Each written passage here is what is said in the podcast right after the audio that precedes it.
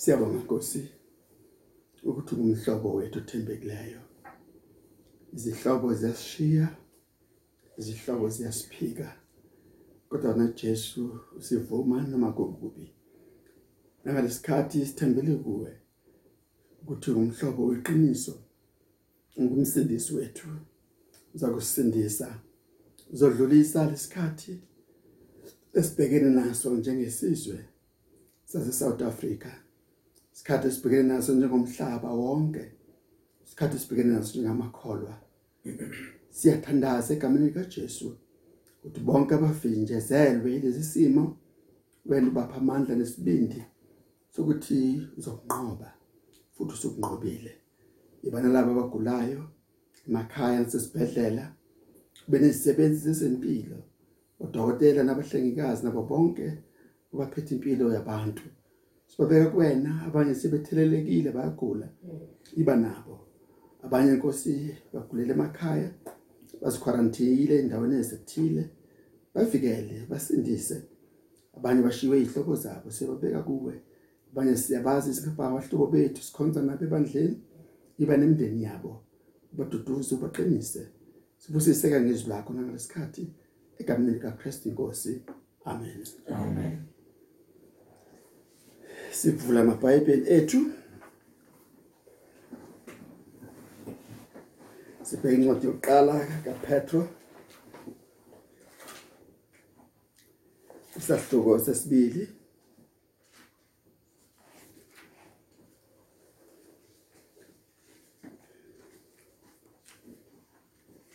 incwadi yokuqala kaPetro isahluko sesibili 1 Peter 2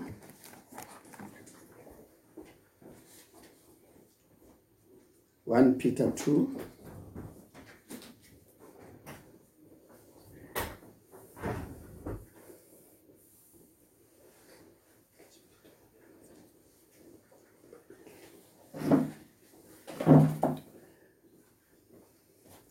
Sifuna incwadi yokuqala kaPetro.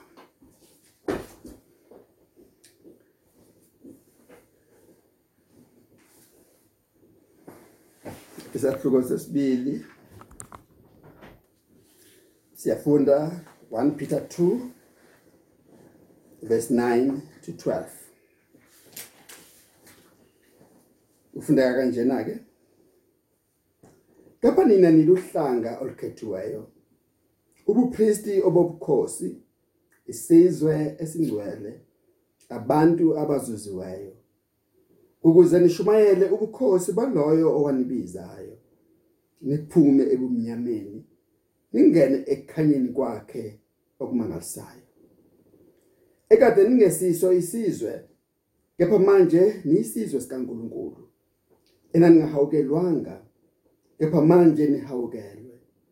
Bathandekayo nginincenga njengabafokazi nezihambi ukuba nidede ezinkanukweni zenyama ezilwa nomphefumulo. Nibe nenkambo enhle phakathi kwabezizwe ukuze kuthi lapho benihleba ngokungathi ningabenza okubi. Ngokubona imisebenzi yenu emihle badumise uNkulunkulu ngosuku lokhanjelwa. Izwi lakho Nkosi Jesu libusise libeke ngaphakathi kuthina. Anginibingeleleke nonke bazalwane egameni lika Christ inkosi Kulesikhathi ngifisa ukuba sibheke amazwi ompostoli uPetro. Uma ekhuluma nabakholwayo ababiza ngokuthi bangabantu abahlakazekile. Sokhumbula emlandweni wesonto ukuthi lesikhathi amaKristu ahlaseleka eJerusalem abaleka agcwala izinkalo zonke. Andi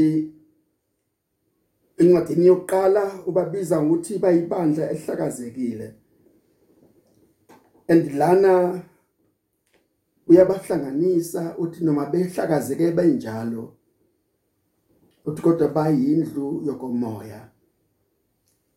Kulesahluko ngenhla evesini lesine uthi ninakhiwe njengamatshe akhethekiweyo kuba nakhe indlu yokomoya. And last part ukufunda khona manje ubabiza ngabantu abayisizwe bawuhlanga bayisizwe esikhethiweyo bawuhlanga olukhethiweyo. Kepha nina niluhlanga olukhethiweyo.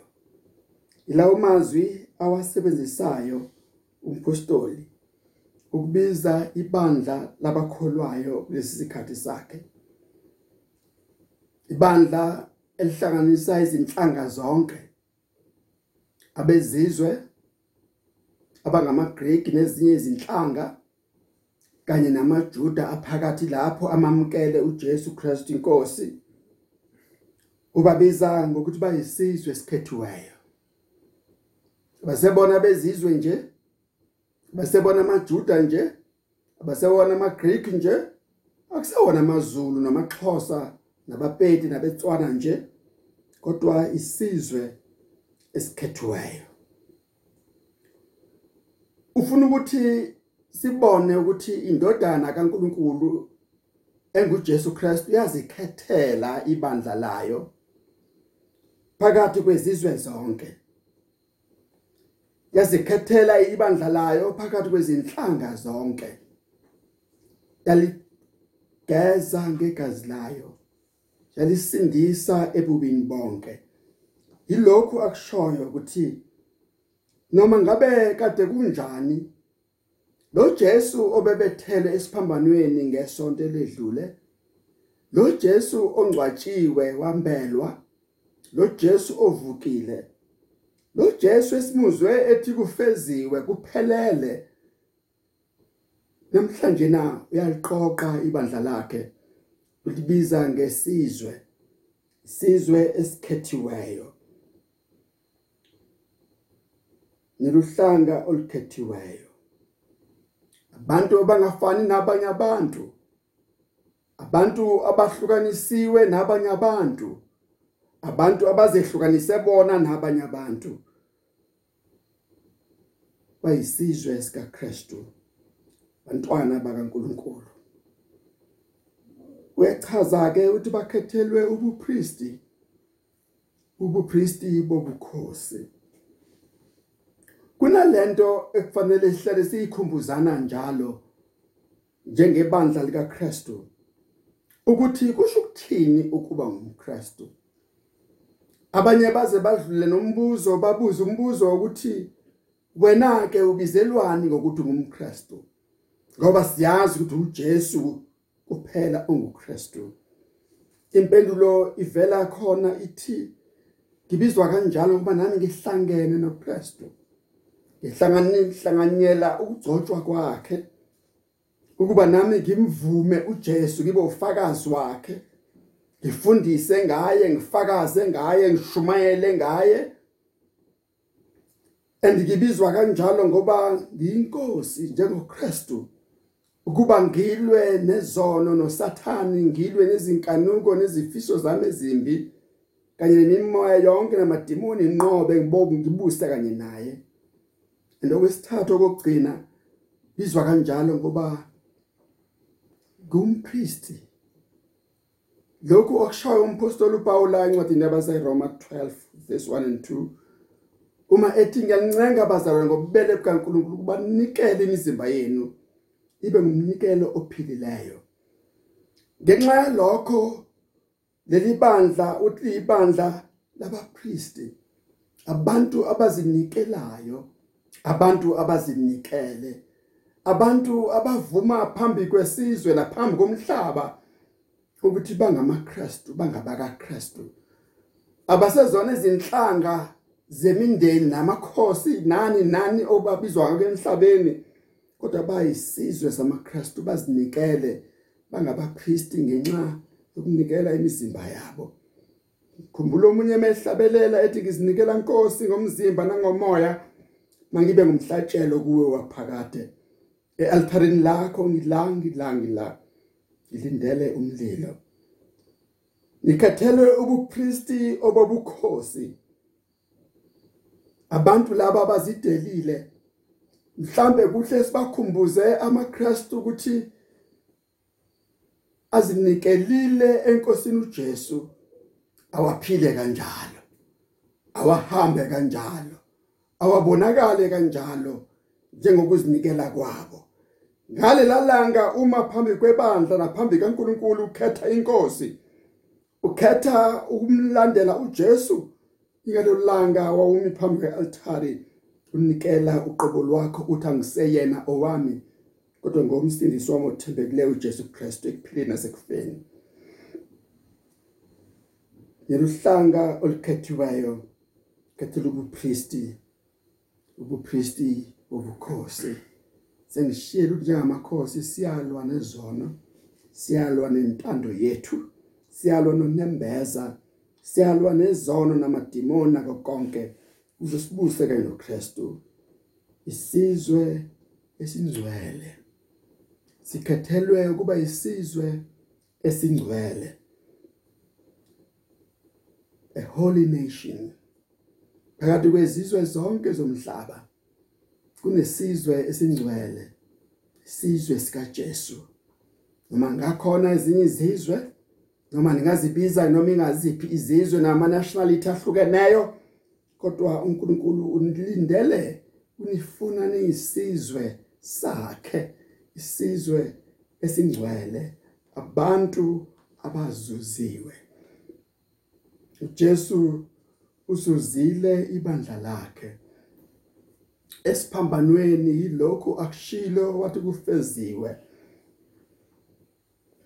Esiphambanweni yilokhu akushilo ukuthi ukufezile uliqoqile ibandla lakhe uzikhethele ibandla lakhe ulithengile ibandla lakhe ngegazi lakhe ngokufa kwakhe.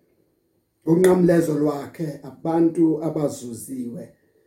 Uma ukholwa kuKristu ngumuntu wenzuzo wenzuzo kaKristu Kristu ukuzuzile.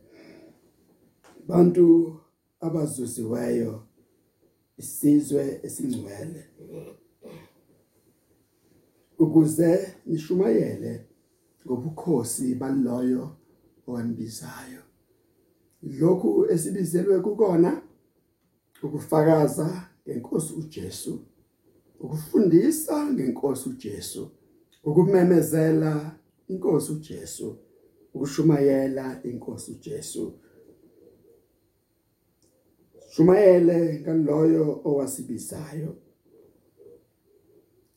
Usibizile isizwe sakhe wasikhipha ebumnyameni asibizela ekukhanyeni.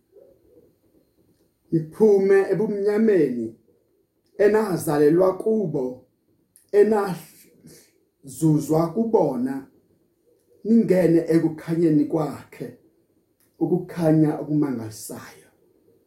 Khanya kukaNkuluNkulu qobo ukukhanya kwezingelosi ukukhanya kasimakade. Ingene ekukhanyeni kwakhe. Okumangalisayo njengabantwana bakaNkuluNkulu yilokhu yilomgomo esibizelwe kuwona. Kuba sishumayela ubukhosi baloyo wasibizayo siphume ebumnyameni singene ekukhanyeni kwakhe okumangalisayo uma siqhubeka nalelizwi lithi kade sisebumnyameni. Kade singesona isizwe.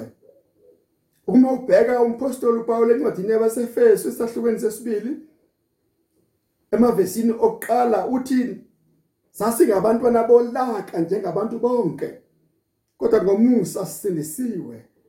Sasingabantu abafanele ukulahlwa kodwa ngokuphuma ebumnyameni sangeniswa ekukhanyeni manje sesingofakazi bakaJesu.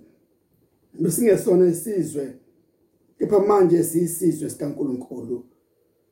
Besingahawukelwanga. Phela thina besike wona amaJuda abayisizwe sakhe ngemvelo kodwa ngomusa sihawukelwe. Ngokumkela uJesu sihawukelwe. Besikena sithembiso sikena uNkulunkulu ezweni. Siyizinto zokulahlwa. Kodwa uNkulunkulu ecebile ngomusa nangesihawu sakhe esikhulu wasenza saba ngabakhe. Wasipha ukuba sibe intando yenhliziyo yakhe. Uzagcizelele evesini leshumi nambili eshumi nanye u11 uma ethi bathandekayo